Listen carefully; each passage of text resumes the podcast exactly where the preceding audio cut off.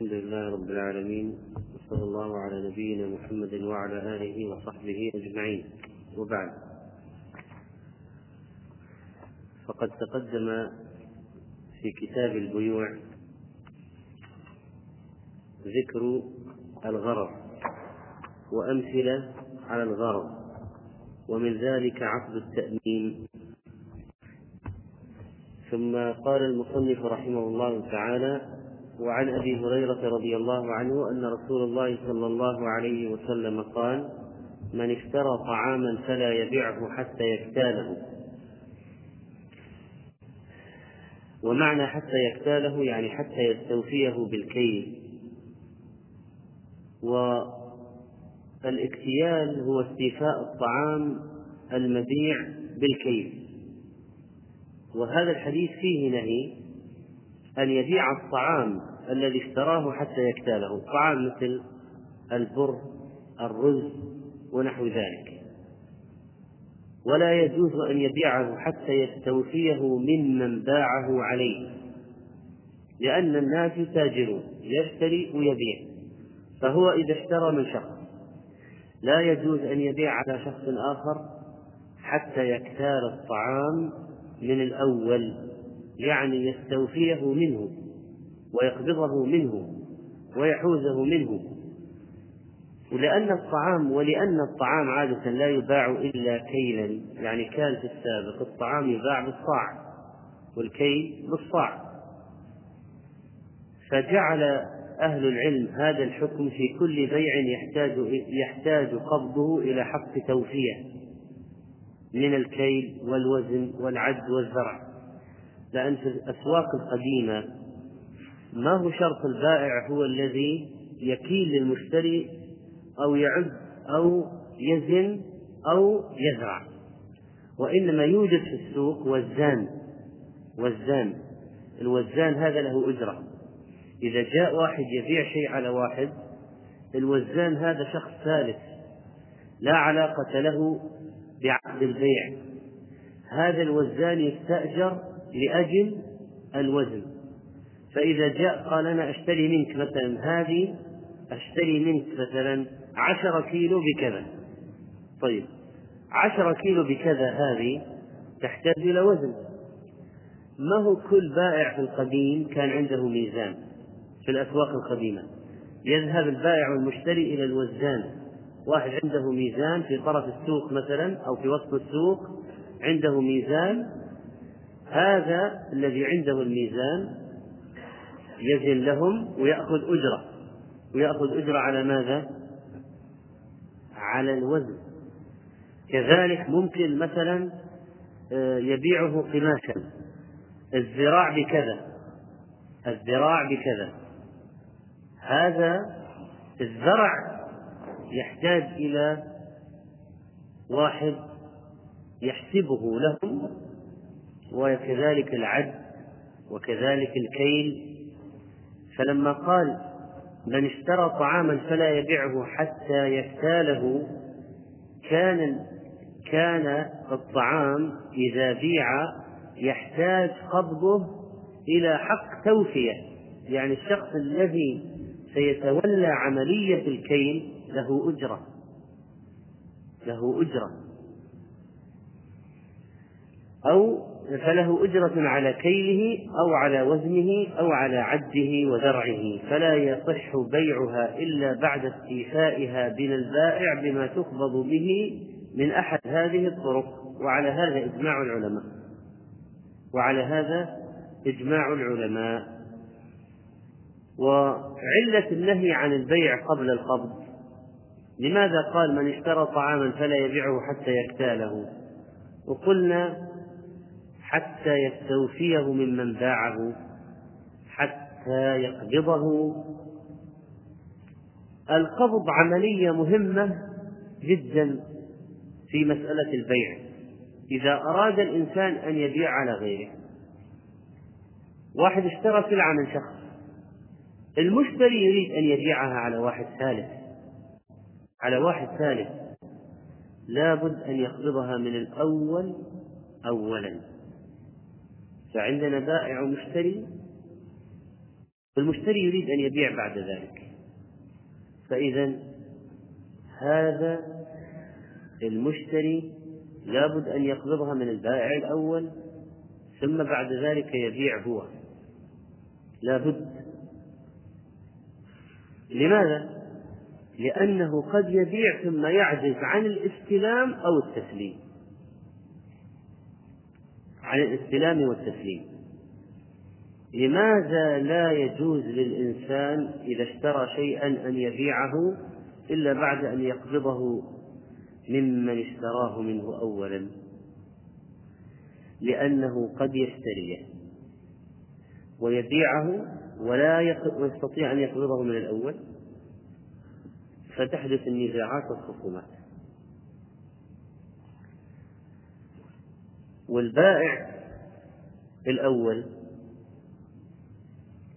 إذا رأى أن هذا المشتري الذي اشترى منه السلعة كسب باع على واحد ثاني قبل أن يقبضها منه. كسب بسهولة. التليفون هاتف كسب. فيقول يا ليتني أنا الذي بعتها على هذا الثالث يا ليتني ما بعتها على هذا. هذا اشتراها مني من هنا. ثم وجد لها بيعة مربحة من هنا خلال يوم. فقد يسعى إلى إفشال البيعة الأولى. يقول لا البيع ما انعقد وكانت مجرد مشاورة وكان كذا وأنت فكرت أنت حسبت نفسك اشتريتها. ترى ما اشتري وتصير منازعة الآن بين الأول والثاني والثاني باعها على ثالث فيدخل الثالث في النزاع لأنه لم يقبض شيئا. لو كانت عند الثاني قبضها ما يستطيع الأول يعترض. ما يستطيع أن يعترض ويناقش ويضغط في الموضوع لأن السلعة ما ليست عنده. والبيع تم وانتهى والسلعة قد قبضت من المشتري قبضت. وخرجت السلعة من ملك التاجر الأول إلى الثاني. والآن الثاني يبيعها كما يشتهي ولذلك إبقاء السلعة عند التاجر الأول وبيعها وهي عند التاجر الأول. هذا يمكن أن يؤدي إلى منازعات وخصومات والتاجر الأول لما يرى أن الثاني أخذها اشتراها وباعها على ثالث وهي لا زالت عنده يقول هذه سلعتي عندي هذه سلعتي عندي التي اشتراها هذا. ثم باعها على واحد وهي لا زالت عندي. تباع وتشترى عندي ويربح عليها. فيسعى إلى إفساد أو يسعى للإحتيال أو الجحد أو الفسخ. ولذلك نهي عن البيع قبل القبض. إذا اشتريت شيئا فلا تبعه حتى تقبضه. شوف هذا الحديث رواه حكيم بن حزام عند الإمام أحمد. ينبغي حفظه في الحديث هذا. أن النبي صلى الله عليه وسلم قال إذا اشتريت شيئا فلا تبعه حتى تقبضه. إذا اشتريت شيئا فلا تبعه حتى تقبضه. أعد الحديث.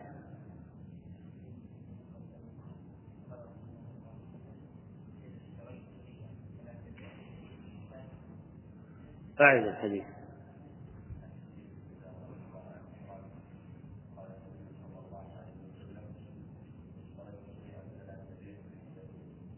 حتى إيه الآن خليكم في المتن بس. إذا اشتريت شيئا فلا تبعه حتى تقبضه. أعد الحديث.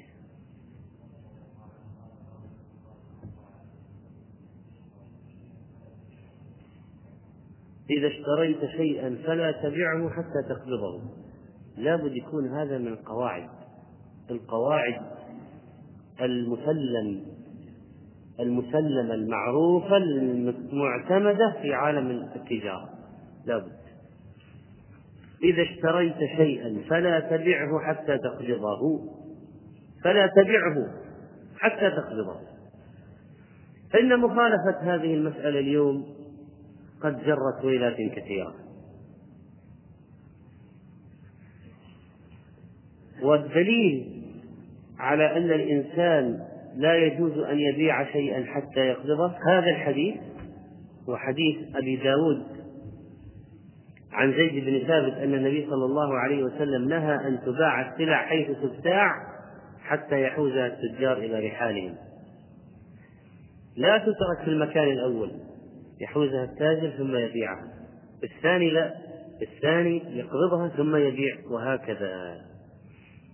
لتدخل في الملك دخولا تاما وتنقطع علاقة التاجر الأول بها فتنقطع المنازعات والخصومات. وكذلك تتبين السلعة عند نقلها تتبين عند نقلها حالها. قد يكون فيها عيب يتبين بالقبض. إذا قبضتها تفحصها إذا قبضتها فحصتها. أما تبقى السلعة في المكان الواحد وتباع مرة سنتين والثالثة والرابعة والخامسة ولا قد يكون فيها عيب. ثم لا ندري بعد ذلك العيب هذا على من يختلفون. كل واحد يقول لا حصلت في عهدتك. حصل العيب وهي عندك وهي في ملكك. فأقول أنا ما أخذته. أنا هذه من اللي قبلي وهذه من اللي قبلي. وكل واحد يدفع على الذي قبله. لكن عندما يقبض السلعة يتبين ما فيها يتبين ما فيها ويتم الملك عليها وتصبح في الحوزة وتصبح تحت التصرف ويصبح بالإمكان تسليمها يصبح بالإمكان تسليمها.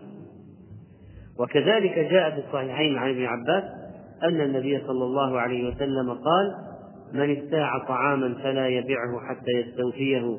قال ابن عباس ولا أحسب كل شيء إلا مثله.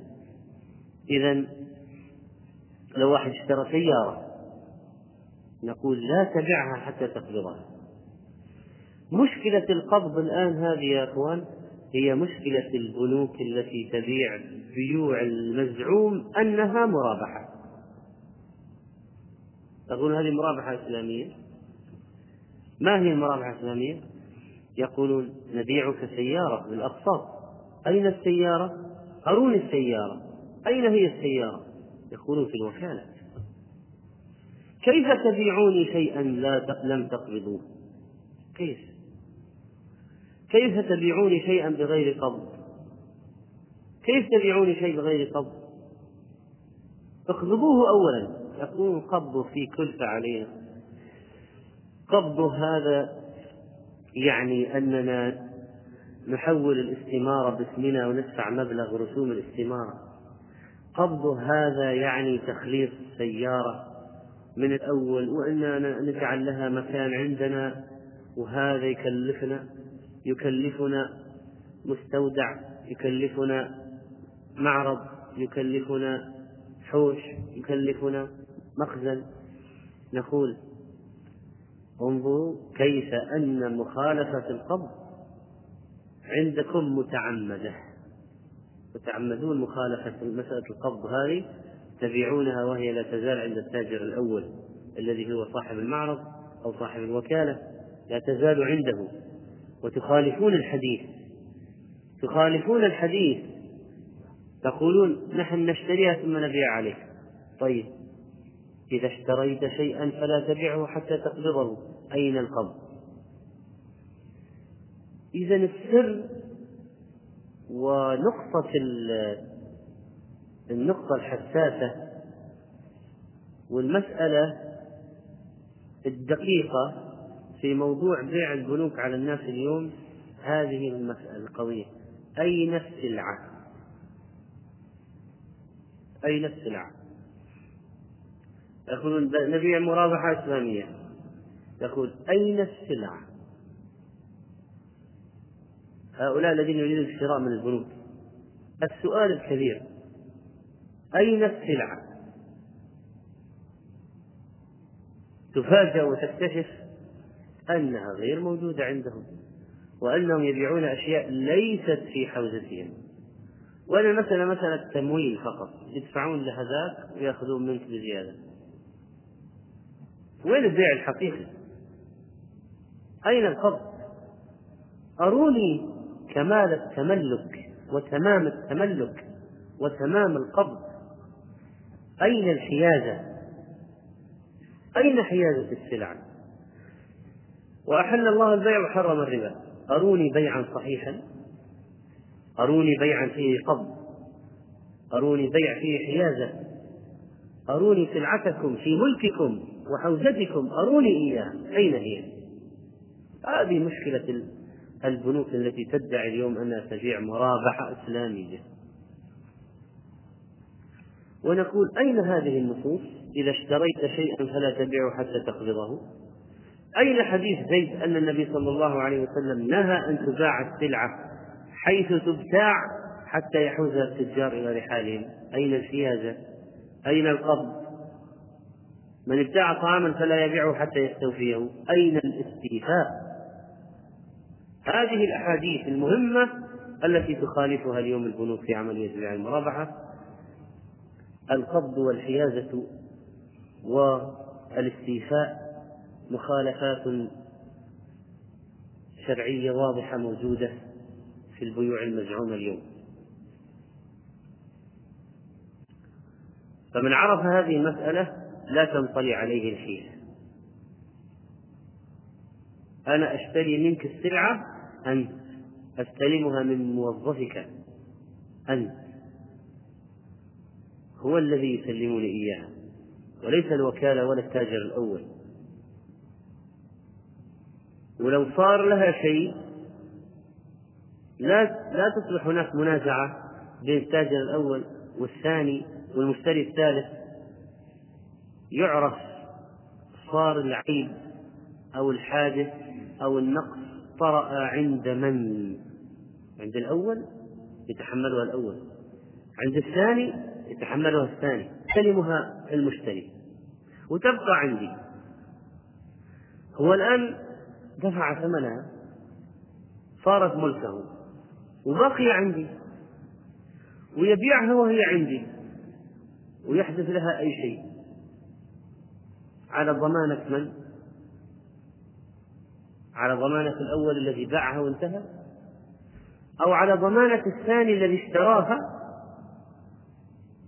وملكها وانتهى؟ أو على الثالث الذي يتحمل الخسارة الآن من هو؟ أو على الثالث المشتري الجديد ويحدث النزاع. لو في قبض كان عرفنا هي على ضمانة من. كان عرفنا الآن على ضمانة من هذا هذا النقص. ومن الذي يتحمل هذه الخسارة؟ كان عرفنا.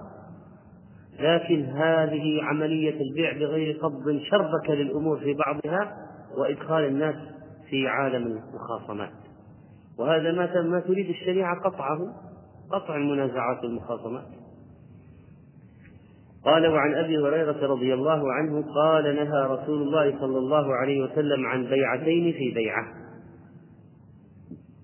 نهى رسول الله صلى الله عليه وسلم عن بيعتين في بيعة.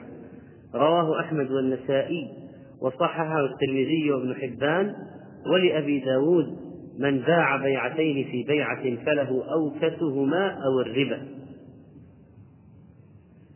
فيعتين في بيعة يعني صفقة يعني أنها يعني اختلف العلماء في تفسير هذه اللفظة ما معنى بيعتين في بيعة؟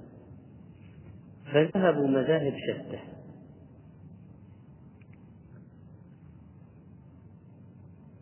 ففسره بعضهم بيعتين في بيعة بأن يشترط أحد المتبايعين على الآخر عقدا جديدا. مثل سلف وقرض. بيع وإجارة بيع وشركة. إجارة وشركة. قرض وإجارة شركة وقرض. هذه كلها داخلة في بيعتين في بيعة عند هؤلاء العلماء. قالوا هذا عقد باطل. عقد باطل. أبيعك على أن تؤجرني. قالوا هذا عقد باطل. أقرضك على أن تشاركني. أقرضك على أن أشاركك.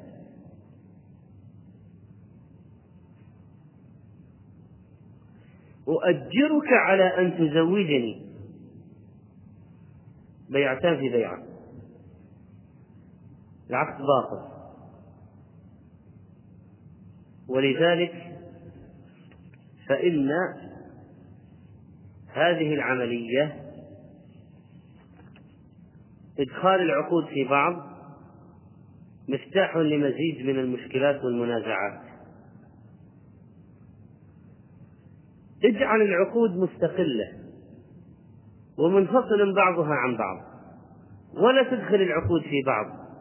إدخال العقود في بعض يؤدي إلى جهالة يؤدي إلى حدوث مزيد مجال إعطاء مجال لمزيد من الخصومات والمنازعات. ويؤدي إلى الوقوع في الربا. لأنه لو قال أقرضك على أن أشاركك. يأتي واحد مثلا. عنده نقص السيولة. تاجر. صاحب مصنع صاحب شركة عنده نقص السيولة. فيقول أقرضني يقول ليه؟ يقول عندي أنا نقص السيولة. الآن عندي بضاعة يحتاجها الناس لكن ما أستطيع أن أشتريها لكن لو عندي سيولة كان اشتريتها وربحت. فلذلك أنا الآن أريد أن أقترض منك لكي أشتري السلعة وأبيعها بمكسب والسوق يحتاجها. عليها طلب. قال أقرضك على أن أشاركك. أنا أعطيك قرض ما في مانع. بس تدخلني معك شريك. ماذا حصل الآن؟ حصل أنه وقع في الربا لأنه جر نفعا بالقرض على نفسه. جر نفعا على نفسه بالقرض. وكل قرض جر نفعا فهو ربا. فأعطاه قرض ثم قال أدخلني معك شريكا. أنا ما دمت رأيت معك أن هذه فرصة ممتازة والبضاعة عليها طلب أنا سأدخل معك شريكا. فصار القرض الآن مضمون الرد لأن القرض لا بد يرده. هو ما دخل معه برأس مال هو لو دخل معه برأس مال معرض للربح والخسارة كان انتهت المشكلة. لكن هو الآن داخل بقرض مضمون الرد لأن القرض لا بد أن يرد. ثم يريد أن ينتفع بالمشاركة. وحتى لو جعل المشاركة مبلغا مستقلا لا يجوز أيضا. فلو قال له كم المبلغ الذي تحتاج لشراء البضاعة؟ قال مئة ألف. قال طيب هذه خمسين ألف مني قرض وهذه خمسين دخولي معك في الشراكة. هذه خمسين مني قرض وهذه خمسين دخولي معك في الشراكة. أنا ما أقرضك إلا إذا دخلتني شريك لا يجوز أيضا. لقد جر لنفسه نفعا بالقرض وهو أن يدخل شريكا. ويستفيد من الأرباح المتوقعة.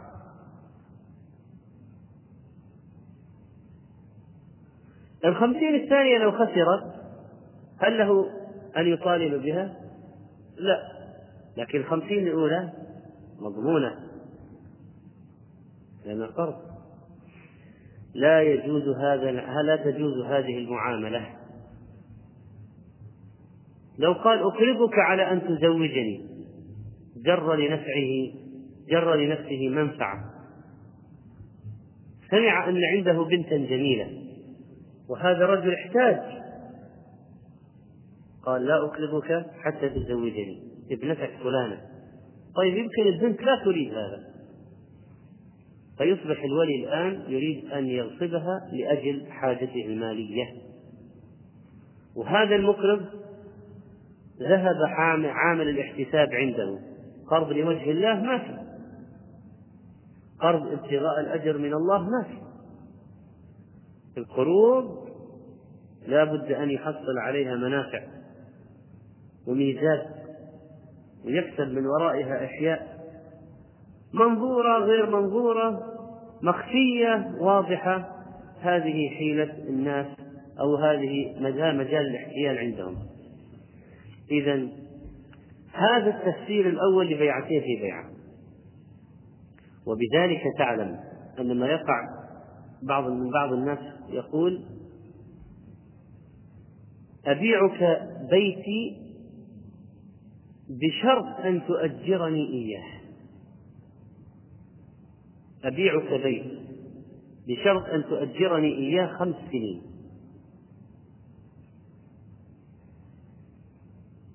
الآن هذا عقد.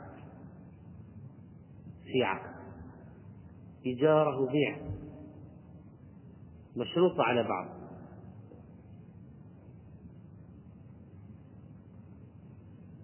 فلا تجوز.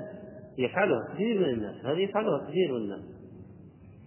وهذه تختلف عن الثنيا التي تقدمت. الثنيا للاستثناء في البيع. أن يقول أبيعك بيتي بشرط أن أبقى فيه شهرا حتى يعني ينتقل ويبحث عن بيت جديد وهكذا يحتاج إلى وقت. فيقول أبيعك بيتي على أن أبقى فيه شهرا. هذا استثناء من البيع وليس عقدا جديدا. انتبهوا هذا ليس عقدا جديدا. وقرناه بالعقد الأول وصارت بيعتين في بيعة.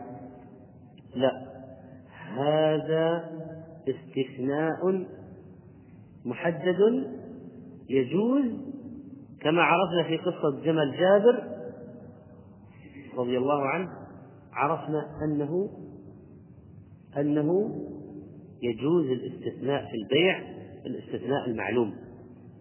الاستثناء المعلوم.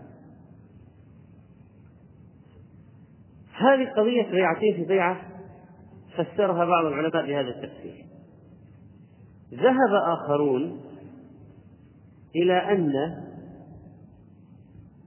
البيعتين في بيعة هذه صفتها كما يلي. أن يبيع السلعة بالآجل بثمن ثم يشتريها منه بأقل حالا. حالا. وهذا الذي يسميه بعض العلماء بيع العلة. فمثلا عندي سيارة. فآتي وأقول لهذا الرجل أبيعك إياها. السيارة خمسين ألف أقساط على سنتين. موافق؟ موافق. ثم أشتريها منك. نقدا بأربعين ألفا. إذا أنا بعتها مؤجلا بقيمة واشتريتها منه حالا بقيمة أقل. هذه اللعبة على الربا. اللعب. الآن الاحتيال على الربا فنون. وأشكال. هذا يريد خمسين هذا لا يريد سيارتي ليس له حاجة في سيارتي يريد خمسين. أو يريد أربعين. يريد أربعين. فأقول خذ هذه السيارة بخمسين وهات الخمسين بعد سنتين. ثم بعني السيارة بأربعين والآن أسلمك الأربعين فهو يرى أن المشكلة قد انحلت أخذ الأربعين المطلوبة السيولة الآن لكي يحل بها مشكلته والخمسين يقسطها فيما بعد. فالسيارة هذه الآن صارت لعبة في الوسط. لعبة في الوسط. لا يريدها أصلا ولا له حاجة بها. هو يريد الأربعين هو يريد السيولة. قضية كلها في السيولة. فالآن توفرت السيولة بهذه اللعبة. ورجعت السيارة إلى الأول. فرجعت السيارة إلى الأول. هي هي سيارة. وصار وهذا أخذ الأربعين نقدا. وصار عليه يدفع خمسين بالأقساط قالوا هذه البيعتين في بيعة هذه هي البيعتين في بيعة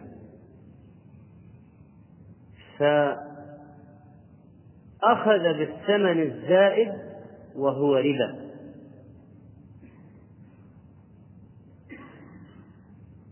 وكذلك فإن هذه الحيلة خسيسة لأنهم يلعبون ويتحايلون على من؟ قال بعض السلف يخادعون الله كأنما يخادعون الصبيان. لو أتوا الأمر على وجهه لكان أهون. يعني لو قال خذ أربعين وهات خمسين ربا صريح وانتهينا. واضح كل واحد منهما واضح عنده المعصية والإثم. لكن اشتري مني السيارة بخمسين إلى سنة ثم أنا أشتريها منك الآن نقدا بأربعين. حيلة.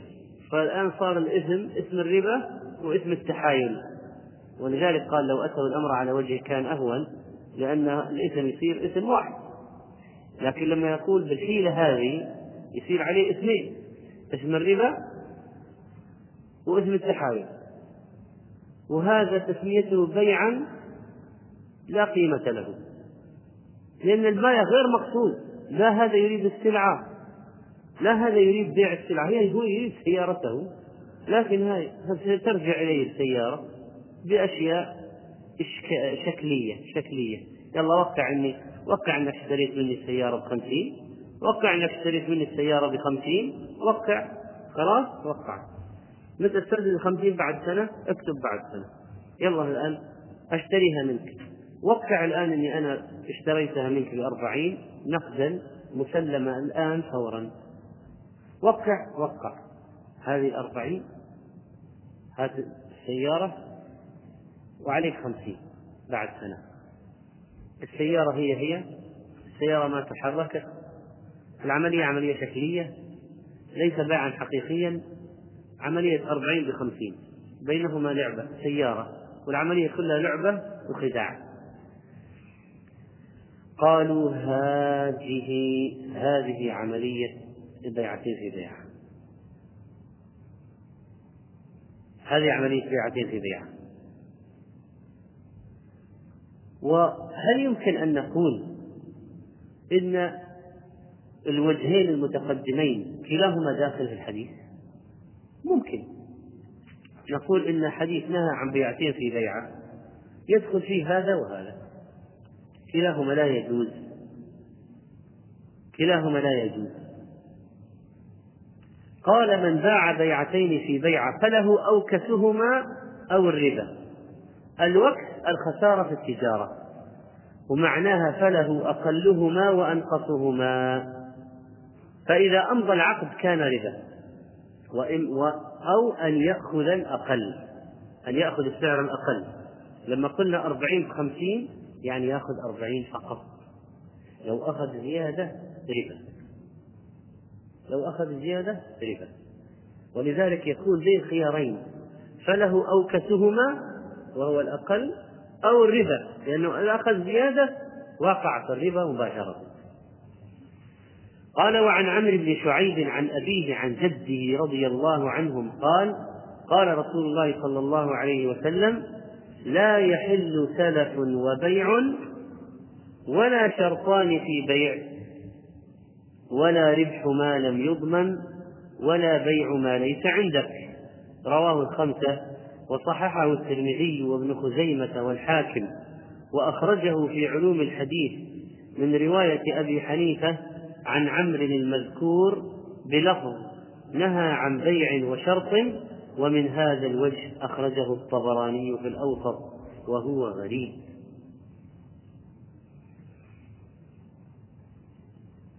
ما معنى ما لم يضمن؟ يعني ما لم يقبض. ما معنى ما ليس عندك؟ يعني ما لم يدخل في ملكك ما لم يدخل في حيازتك في حوزتك. هذا الحديث أصلا من أصول المعاملات وهو نص في تحريم الحيل الربوية وفيه أربع فقرات. لا يحل سلف وبيع. لا يجوز وقد تقدم تفسيره أن يبيع الرجل السلعة على أن يقرضه قرضا. لماذا يكون ذريعة؟ إلى يكون ذريعة إلى أن يقرضه ألفا ويبيعه سلعة تساوي ثمانمائة بألف أخرى. فيكون قد أعطاه ألفا وسلعة بثمانمائة وأخذ منه ألفين. وهذا عين الربا. فلولا هذا البيع ما أقرضه ولولا عقد القرض ما اشترى ذلك. فإذا جاء يريد مبلغ قرض. قال أنا ما أقرضك حتى تشتري مني سلعة. كم تبغى؟ قال أنا أبغى ألف. قال أنا أقرضك ألفا. أقرضك ألفا. لكن أنا عندي سلعة ثانية أريدك أن تشتريها مني بألف. فيصبح عليك دين ألفين. ألف القرض وألف ثمن السلعة.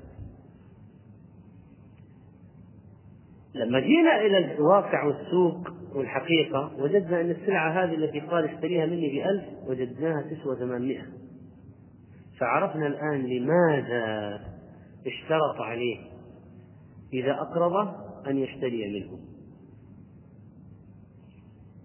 هذه حيلة أيضا ولا تجوز.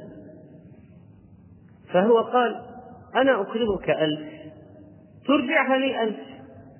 بشرط أنك تشتري مني سلعة. بكذا. نظرنا في السلعة وجدناه ربح بها. فإذا أين الفائدة؟ الاستفادة الآن وين؟ في ربح البيعة التي شرطها عليه لكي يقرضه التي شرطها عليه لكي يقرضه إذا يا إخوان هذه عملية القروض التي فيها شروط هي قروض ليست لوجه الله وإنما يريدون من ورائها استفادات فوائد. ولذلك فإن حديث النبي صلى الله عليه وسلم لا يحل سلف وبيع واضح لماذا؟ لا يحل سلف وبيع. لا يحل سلف وبيع. عرفنا إذا ما معنى لا يحل سلف وبيع. وما هو وما هو المحذور في الموضوع. أن هذا المقرض استفاد. باع بيعا فيه ربح قليل أو كثير. لكنه استفاد من وراء القرض. ولولا القرض كان هذا المقترض ما اشترى منه. يعني ضابط ذلك وآيته وعلامته أن هذا المقترض لولا الشرط كان ما اشترى من صاحبنا هذا. إما ما اشترى أصلا أو ما اشترى منه كان اشترى من غيره بأقل. كان اشترى من غيره بأقل. ولذلك فإن النهي واضح نهى عن سلف وبيع. عملية القرض في الإسلام يجب أن تكون لوجه الله لا يريد منها جزاء ولا شكورا ولا فائدة ولا مغنما. طيب الفقرة الأولى لا يحل سلف وبيع عرفناها قال ولا شرطان في بيع. ولا شرطان في بيع. طبعا مسألة الشروط في البيع هذه تقدمت معنا. من العلماء قال لا يجوز بيع وشرط. منهم من قال لا يجوز شرطان في بيع. منهم من أباح الشروط في البيوع كلها إذا كانت الشروط مباحة. من أول كان واحد يبيع القماش واحد يفصل القماش وواحد يخيط الشيء المفصل. يعني ممكن عملية الثوب هذه ما يعملها واحد يعملها ثلاثة. واحد تشتري تريد ثوب أنت تلبس ثوب من واحد تشتري القماش ومن واحد يفصل لك القماش وواحد يخيط لك القماش. هي ثلاث عمليات. الذين قالوا نهى عن شرط عن شرطين في بيع ضربوا مثلا بالتفصيل والخياطة. قالوا إنك تشتري من واحد بشرط يفصل لك ويخيط لك. طبعا الآن هذه العمليات يعني المسألة مسألة جعل المبيع بأشكال وأشياء وأحوال تناسب المشتري لها عدة وجوه وصور. مثلا بيع تحميل بيع تركيب مثلا.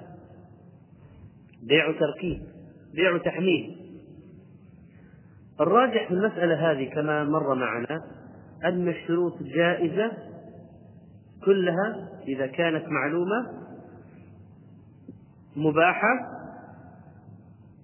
ولو كانت أكثر من شرط وأكثر من شرطين. وهذا اختيار شيخ الإسلام ابن تيمية رحمه الله. فلو قلت أشتري منك المكيف على أن تركبه. جائز. أشتري منك القماش على أن تفصله وتخيطه وتكويه. جائز. واشترط عليك القماش على أن تفصله وتخيطه وتغسله وتكويه وتعلقه.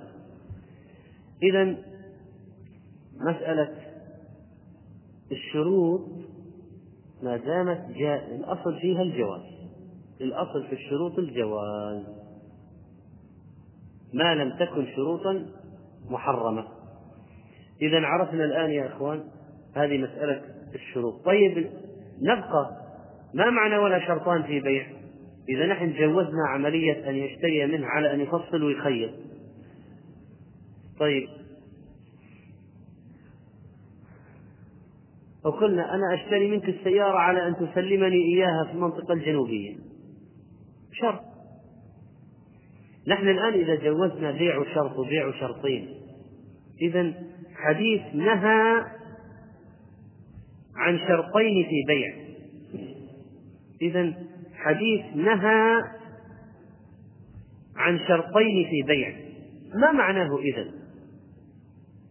إذا نحن جوزنا الشرطين المتقدمة بهذه الصفة قلنا الراجح الجواز. إذا ما معنى شرطين؟ ما معنى نهى عن شرطين في بيع؟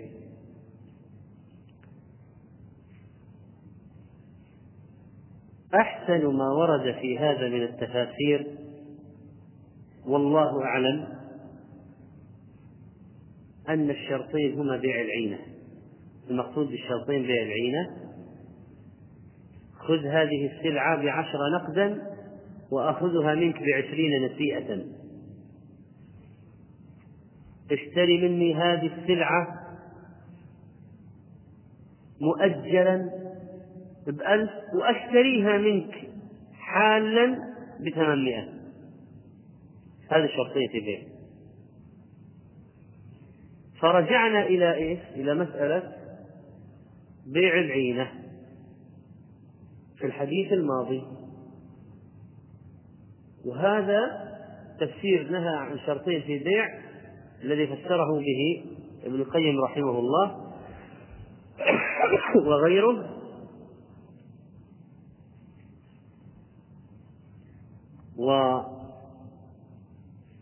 وبناء عليه يؤكد حديث نهى عن شرطين في بيع يؤكد حديث بيع النهي عن بيع العينة. كلاهما يصب في مكان واحد. لماذا نهينا عن بيعتين في بيعة وعن شرطين في بيع لأنه يوصل إلى الربا. طيب بقينا الفقرة الثالثة من الحديث. ولا ربح ما لم يضمن. ولا ربح ما لم يضمن. فسر بعدة تفاسير لعل أحسنها أن يقال أن يبيع السلعة المشتراة قبل قبضها ويربح فيها فرجعنا إلى مسألة إيش المتقدمة أي مسألة؟ مسألة إيش؟ القبض والتقابض فإذا نهى عن ربح ما لم يضمن ما معنى ما لم يضمن؟ الآن أنت إذا اشتريت سيارة من شخص أو اشتريت سلعة من تاجر السلعة هذه لو صار لها أي شيء أو حصل فيها أي عيب من الذي يضمنها؟ ويكون العيب على ضمانة من وعلى مسؤولية من؟ ومن الذي يغرم العيب والتلف الذي يحدث لها؟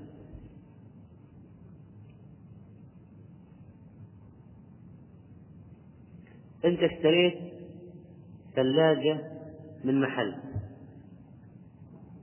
ما استلمت الثلاجة بعد؟ الثلاجة هذه لو صار لها أي شيء وهي في المعرض. عليك يا أيها المشتري ولا على البائع؟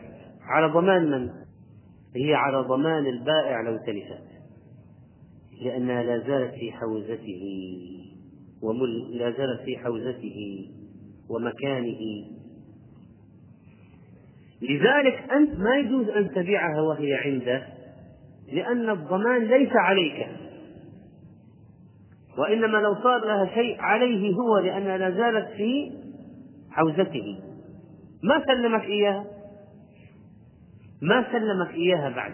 لو صار لها شيء التلف عليه والخسارة عليه وليست عليك. أنت اشتريت ويمكن دفعت القيمة بس ما استلمت السلعة. لو صار لها شيء وهي في مستودع التاجر الأول ومعرض التاجر الأول ودكان التاجر الأول في حوزة التاجر الأول لو صار لها شيء من الذي يضمن الخراب والتلف التاجر الأول. ما بعد سلمك. إذا لا يجوز لك أن تبيعها وهي عند التاجر الأول لأن الضمان عليه وليس عليك. وبناء عليه نفهم معنى حديث لا يحل تلف وبيع. ولا شرطان في بيع ولا ربح ما لم يضمن. كيف؟ تبيع وتكسب وتربح وهي على ضمان التاجر الأول. لازم لما تربح لما تبيع لتربح لازم تبيع وهي على ضمانك أنت. لو صار لها شيء يكون على ضمانك أنت. وكيف تصير على ضمانك أنت؟ لما تقبضها إليك من التاجر الأول وتحوزها تصير الآن على ضمانك. لو صار لها شيء عليك. إذا هنا يجوز أن تبيع. فإذا عرفنا معنى حديث ولا ربح ما لم يضمن. ما يجوز تكسب تربح وتبيع سلعة وهي ما زالت عند التاجر الأول لأنك في هذه الحالة بعت شيئا ليس على ضمانك. على ضمان التاجر الأول فلا بد أن تقبضه أولا حتى تبيعه. هنا ملاحظة. هل معنى تقبضه يعني لازم يكون عندك محل دكان وإنك تستأجر مكان لتضع فيه السلع؟ ما هو شرط.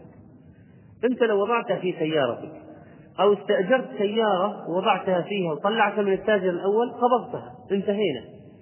أنت الآن لو استأجرت سيارة وجعلت السلعة في السيارة التي استأجرتها وطلعتها وأخرجتها من التاجر الأول. وصارت الآن في السيارة أنت استأجرتها. الآن لو صار لها شيء فيه في الشارع على ضمانة من؟ التاجر الأول ولا على ضمانك؟ على ضمانك. إذا الآن انتهينا.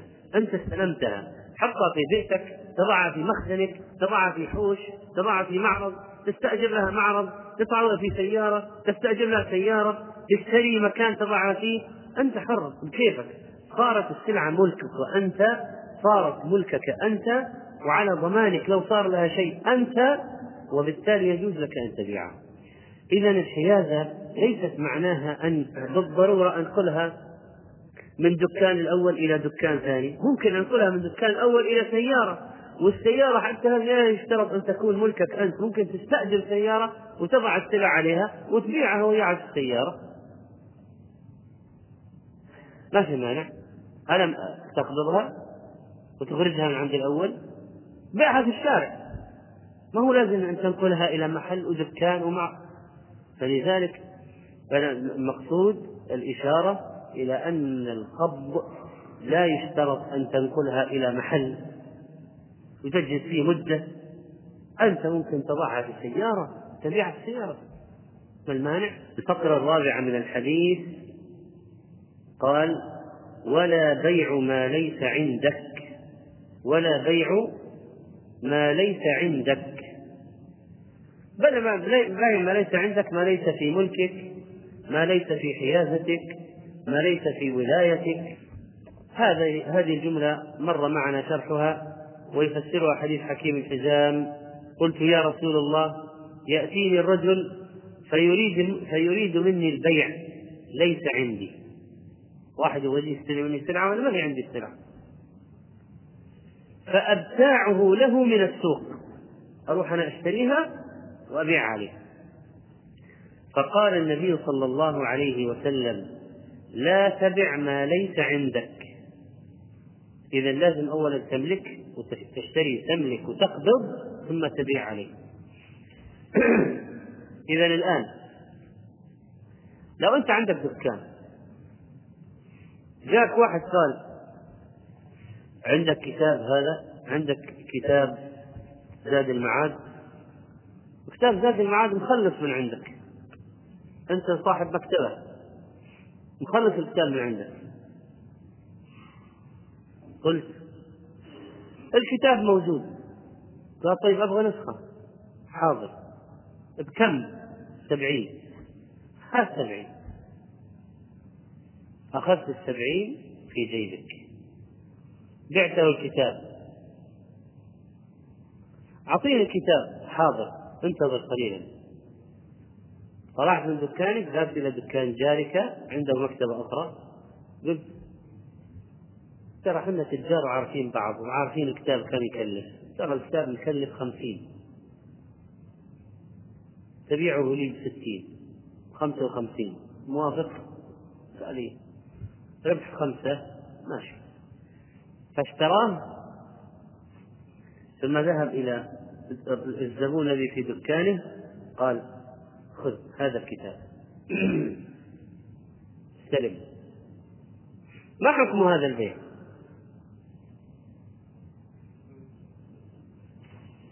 ما حكم هذا البيع؟ لا يجوز. لماذا لا يجوز؟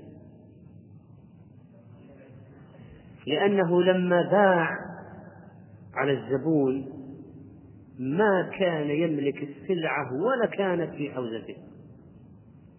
فالبيع باطل. باعه شيء ليس عنده ولا في ملكه.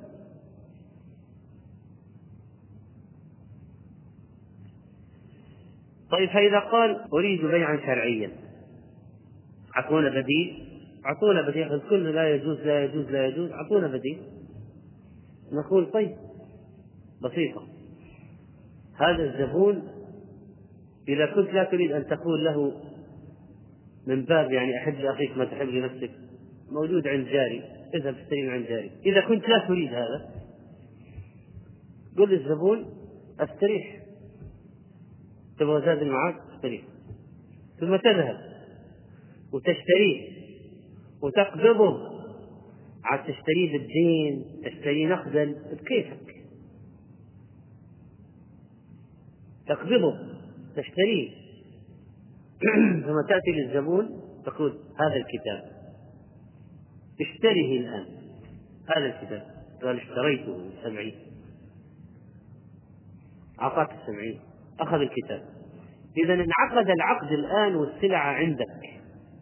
السلعة في يدك السلعة في قبضتك السلعة في ملكك السلعة في حيازتك فيجوز أن تبيع الآن. ولو شريت من جارك بالدين ما في مانع.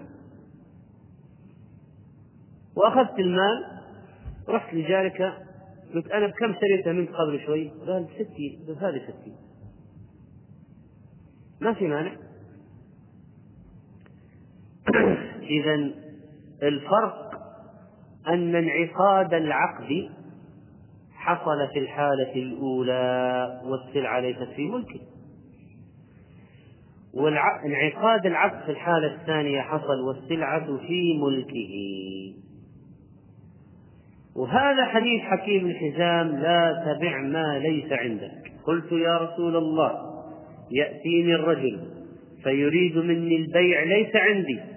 يريد مني سلعة ليست عندي. فأبتاعه له من السوق. قال لا تبع ما ليس عندك. لكن العلماء قالوا إن المقصود بالحديث بيع العين دون بيع الصفة. ونريد هنا أن نبين مسألة مهمة. البيع في الإسلام طبعا أساس البيع في مبيع وثمن. سلعة وثمن. ثمن ومثمن. المثمن هو المبيع هو السلعة. والثمن ما تباع به السلعة. في الإسلام ما في بيع لا يوجد بيع شرعي في الإسلام لا توجد فيه سلعة ولا يوجد فيه ثمن. ما في. يعني يجي واحد يقول أبغى كتاب يقول والله كتاب غير موجود. بكم تبيعه؟ قال بسبعين قال طيب نوقع اتفاقية بيع أو نعقده باللفظ أو بالكتابة. أو بالكتابة. اشتريت منك كتابا بسبعين. وين الكتاب؟ غير موجود. وين الثمن؟ ما هو معي.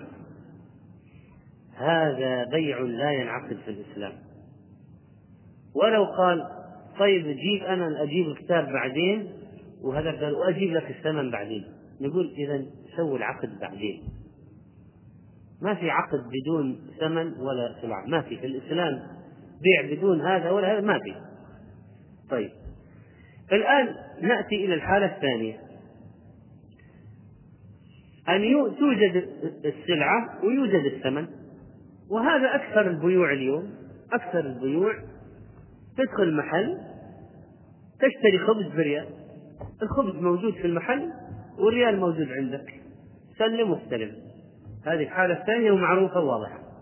الحالة الثالثة. السلعة موجودة والثمن غير موجود.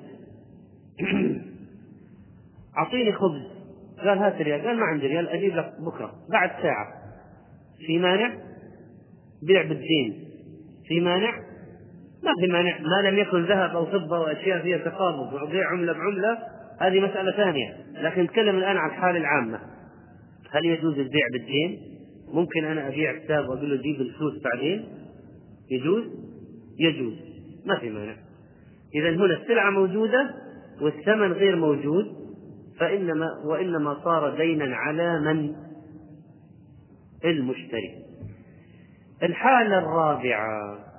ما هي الحالة الرابعة؟ ما هي الحالة الرابعة؟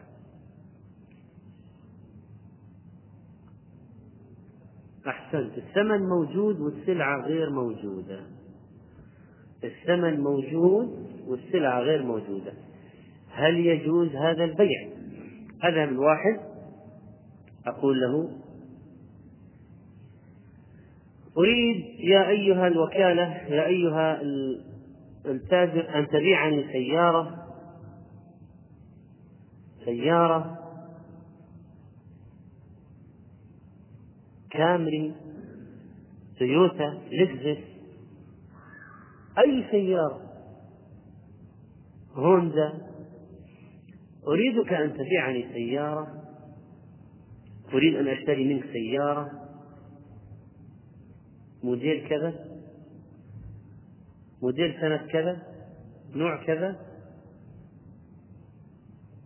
قزاز أوتوماتيك فتحة في السقف.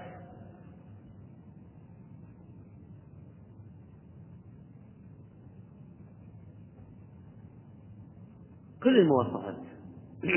قال هذه ما هي عندي السيارة. قلت طيب الآن أنا عندي مدرسة خاصة. واحتاج حافلات للطلاب. والمدرسة سنفتحها في أول عام القادم بعد ستة أشهر من الآن. وأنا لازم أأمن سيارات وأوقع عقد سيارات حتى تكون عندي سيارات حتى أرتب أموري. قال طيب. أنا أبيعك سيارات آتي بها وأسلمك إياها. لكن ما عندي الآن التسليم بعد ثلاثة أشهر. قال لكن أنا أريد بيع عقد عقد مضمون عقد أنا أعرف فيه أن السيارات ستأتي وأنت مسؤول إذا ما جبت السيارات لأن أنا عندي أشياء مترتبة على السيارات وافتح المدرسة.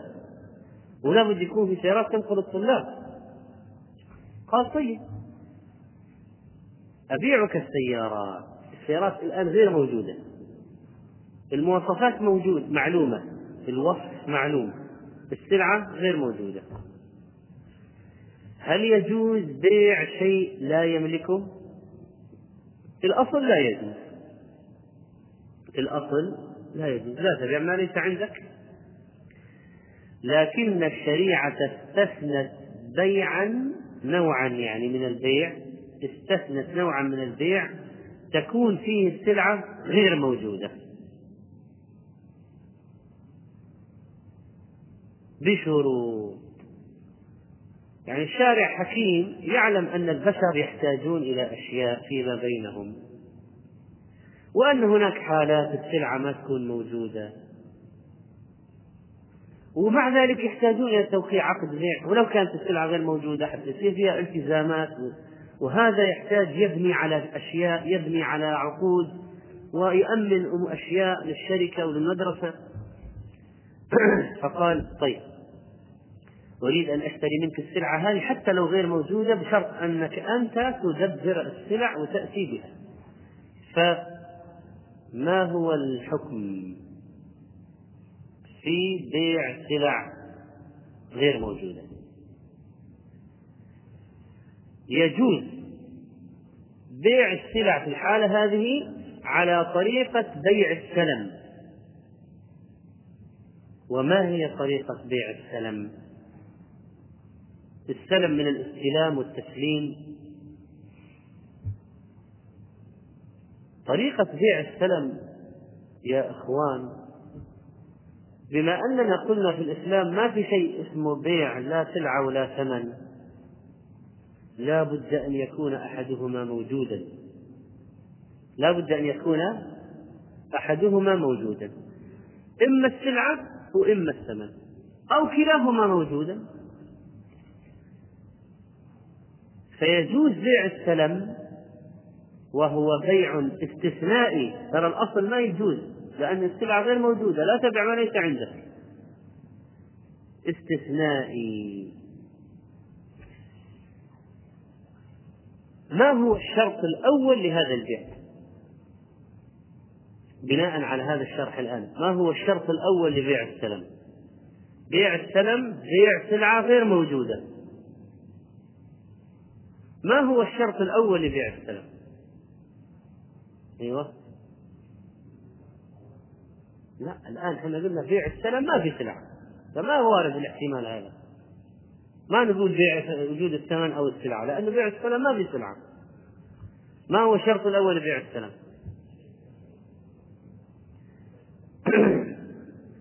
الآن إحنا قلنا ما في بيع في الإسلام لا سلعة ولا ثمن. لا بد أن يكون أحدهما موجودا. بيع السلم ما في سلعة ما هو الشرط الأول لبيع السلم؟ الآن على هذا الكلام تأسيسا على هذا الكلام. أن يكون الثمن موجودا. كاملا مسلما في مجلس العقد.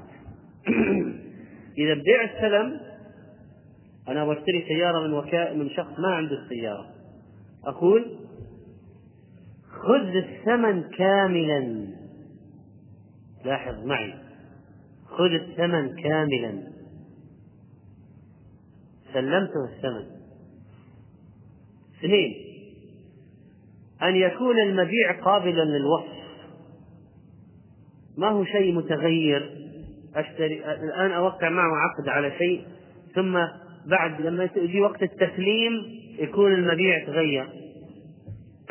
مثلا السيارة قابلة للوصف ولا لا؟ هل السيارة بمرور لو إذا مر عليها شهرين ثلاثة تتغير تكبر تصغر؟ هل السيارة ممكن ضبطها بالوصف ولا لا؟ ممكن ضبطها بالوصف الدقيق يعني أيضا. إذا لابد يكون المبيع قابلا للوصف. كل هذا حتى لا يحصل اختلافات. ولازم لما تكون السلعة أن السلعة غير موجودة لازم يعوض هذا النقص الكبير في عقد البيع. لأنك الآن تعقد بيع على سلعة غير موجودة. الشارع يريد أن يعوض هذا النقص الكبير في السلعة غير الموجودة. فلا بد يعوضه بشروط احتياطية. أولا الثمن كاملا حتى ما يصير في أحد طرفي البيع غير موجود. الثمن كاملا مدفوع. اثنين السلعة قابلة للوصف. ثلاثة السلعة غير متغيرة مع الوقت. يعني الآن نصفها وبعد فترة تطلع شيء ثاني وقت التسليم. طيب. وأن يكون وقت التسليم معلوما. يعني عندنا الآن سلعة غير موجودة نريد أن نحيط القضية باحتياطات كثيرة. فنقول قابل للوصف وصفا دقيقا لا تتغير. موعد التسليم معلوم. عند ذلك يجوز البيع. طبعا بشرط أن لا تكون ذهبا ولا فضة ولا نقود لأن بيع الذهب والفضة والنقود إيش اشترط فيه؟ تقابض يدا بيد سلم واستلم ما في شيء اسمه بيع سلم بيع ذهب سلم. ما في بيع ذهب سلم ولا بيع دولارات سلم. لأن هذه يدا بيد. لكن بيع سيارة سلم ممكن. بيع سجاد سلم ممكن. هذه المسألة ترى يحتاجها مثلا الذين يبنون البيوت. اللي يبني بيت مثلا في أشياء كثيرة في البيت قد لا تكون موجودة عند التاجر. مثلا مكيفات. واحد مثلا يبغى مكيفات مواصفات خاصة. قال أنا أبغى مكيفات ترص الرطوبة. أو مكيفات تعطي رطوبة. مثلا. أو مكيفات آه، تمنع دخول جراثيم الجمرة الخبيثة. أبغى مكيفات محطوط عليها مانع دخول الجراثيم منقي للجو في ترى مكيفات. طيب. هذه مواصفات. قال التاجر هذه إحنا ما نجيبها الآن. من وين أجيب؟ مو كل الناس موسوسين مثلك أجيب لهم مكيفات تمنع الجراثيم تمر الخبيث قال أنا لكن أنا يمكن يعني سبحان الله احتمال يمكن في طيب. قال أنا ما أوفر هذا النوع. قال طيب الآن أنا أبغى أبني بيت. أبغى مكيفات. أو مكيفات من هذا النوع. قال طيب. بنجيب لك مكيفات من هذا النوع لكن على طريقة بيع السلم. إيش المكيف الآن؟ إيش نوعه؟ إيش الماركة التجارية؟ ما هي؟ ثانيو ترين كذا فلان. فالآن هذه المكيفات لابد نحدد النوع ثم المواصفات. ترى هذا وزن الوحدة كذا وبمواصفات تعمل كذا وبنظام كذا. حار بارد ولا حار فقط؟ بارد فقط. كل مواصفات كاملة. طيب. عملنا وهذا الثمن كاملا وعملنا العقد على هذا. مدة التسليم بعد كذا. إذا بهذا يجوز البيع. طيب لو واحد اعترض علينا وقال تبيع عينا غير موجودة نقول نحن الآن نبيع على الوصف. نبيع وصفا لا عينا الآن. أنا أبيعك على الوصف وليس على العين. ويخطئ من يجعل بيع الأعيان كبيع الموصوف المعين في الذمة. يقول له الآن أنا ما أبيعك عين لأن أصلا العين غير موجودة. أنا أبيعك موصوفا في الذمة. موصوفا في ذمتي أنا يا أيها التاجر. أبيعك موصوفا في ذمتي. الآن العقد انعقد على إيش؟ عقد بيع السلم هذا انعقد على ماذا؟ على إيش؟ موصوف في الذمة. يعني في ذمتي أنا يا أيها التاجر. شيء موصوف في الذمة وليس على عين. ما خطأ تكون انعقد على عين. ما في عين أصلا انعقد عليها. ولذلك فإن بيع الصفة جائز وبيع بيع العين غير الموجودة لا يجوز. بيع العين غير الموجودة لا يجوز. رحمك الله. إذا بيع موصوف في الذمة. قال الشيخ عبد الرحمن السعدي رحمه الله الذي يمنع بيع الموصوف في الذمة ويحتج بحديث لا تبع ما ليس عندك احتجاجه فيه نظر. فالحديث يدل على منع بيع العين التي في ملك غيره. أما الموصوف في الذمة فلا أرى دخوله في هذا الحديث وهو المذهب عند الأصحاب كلهم. نعم؟ فإذا الآن قضية بيع السلم هذا بيع موصوف في الذمة. طيب بناء عليه لو جاء واحد هذه ممكن مسألة تلتبس على بعض الناس في الربا والقرض والحرام الآن جاء واحد قال أبغى أقترض منك خمسين ألف. قال ما قال ما أقرضك خمسين ألف.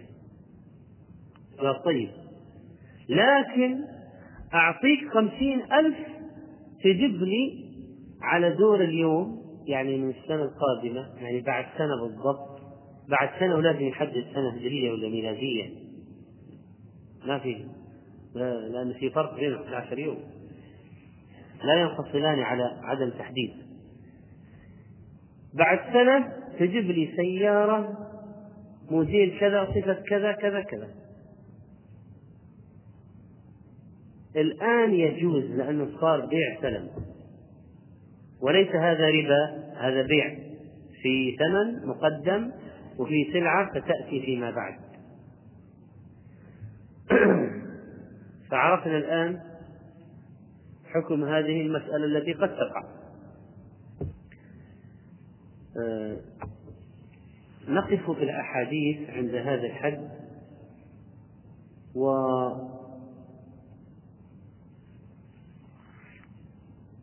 نرى ماذا يوجد من الأسئلة.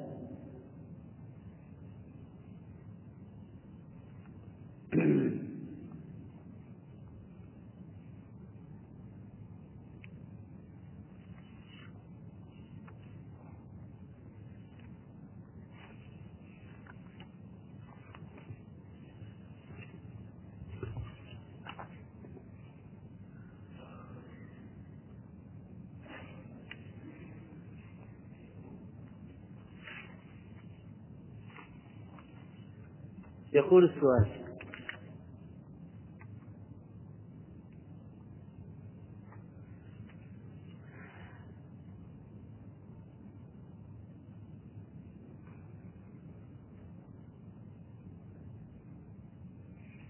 إذا كان صاحب الماشية يتاجر بها ويطعمها أغلب العام ينفق على إطعامها هل عليها زكاة؟ إذا كان يطعمها أغلب العام فليس عليه زكاة إذا كان يطعمها العام كله أو أكثر العام فليس عليه زكاة لأن الزكاة السائمة التي ترعى أكثر العام التي ترعى أكثر العام فيها الزكاة.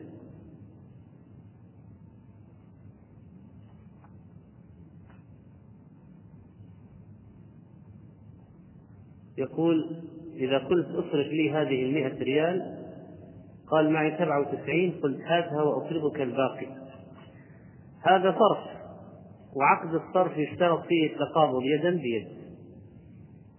وبناء عليه لا يجوز سبعة وتسعين وثلاثة بعدين. ما يجوز خمسمية وأربعمية ومئة بعدين. لأن هذا صرف. والصرف يشترط فيه أن يكون يدا بيد. إذا قتل شخص زوجته هل عليه كفارة؟ إذا كان قتلها خطأ عليه الدية والكفارة. طبعا. إذا قتلها عمدا يقتل فالقصاص لأوليائها حق المطالبة بالقصاص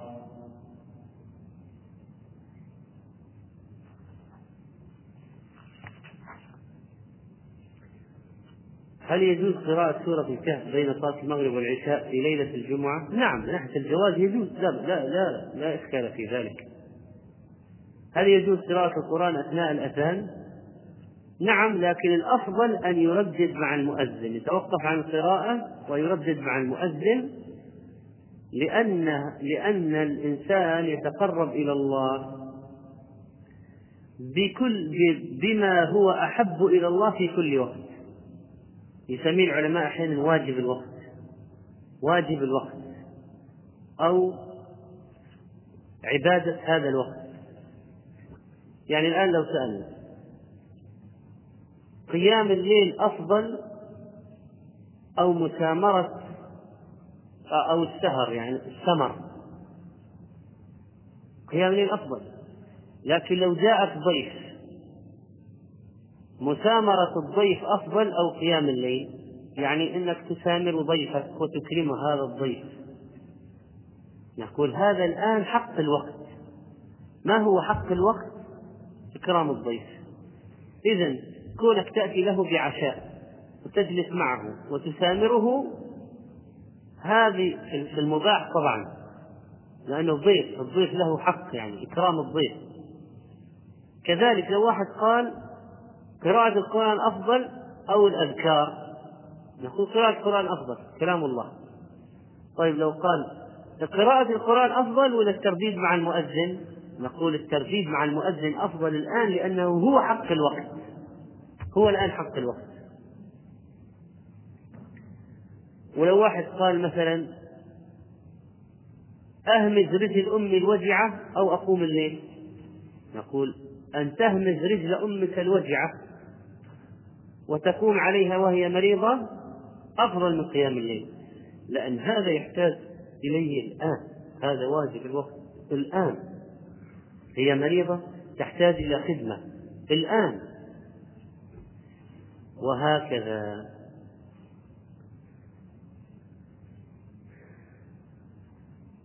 يقول أقرض شخص للآخر مبلغ ليعمل به الثاني المقترض وبنفس الوقت يكون شريكا معه. وخسر الأول بالتجارة هل يرجع القرض أو يسقط القرض؟ هذه مخالفة واضحة وصريحة لما تقدم من الشرح. لا يجوز قرض شراكة لا يجوز قرض شراكة. إما قرض وإما شراكة فإذا قال شراكة فإن إنه إنه لو خسر ما يعيد له شيء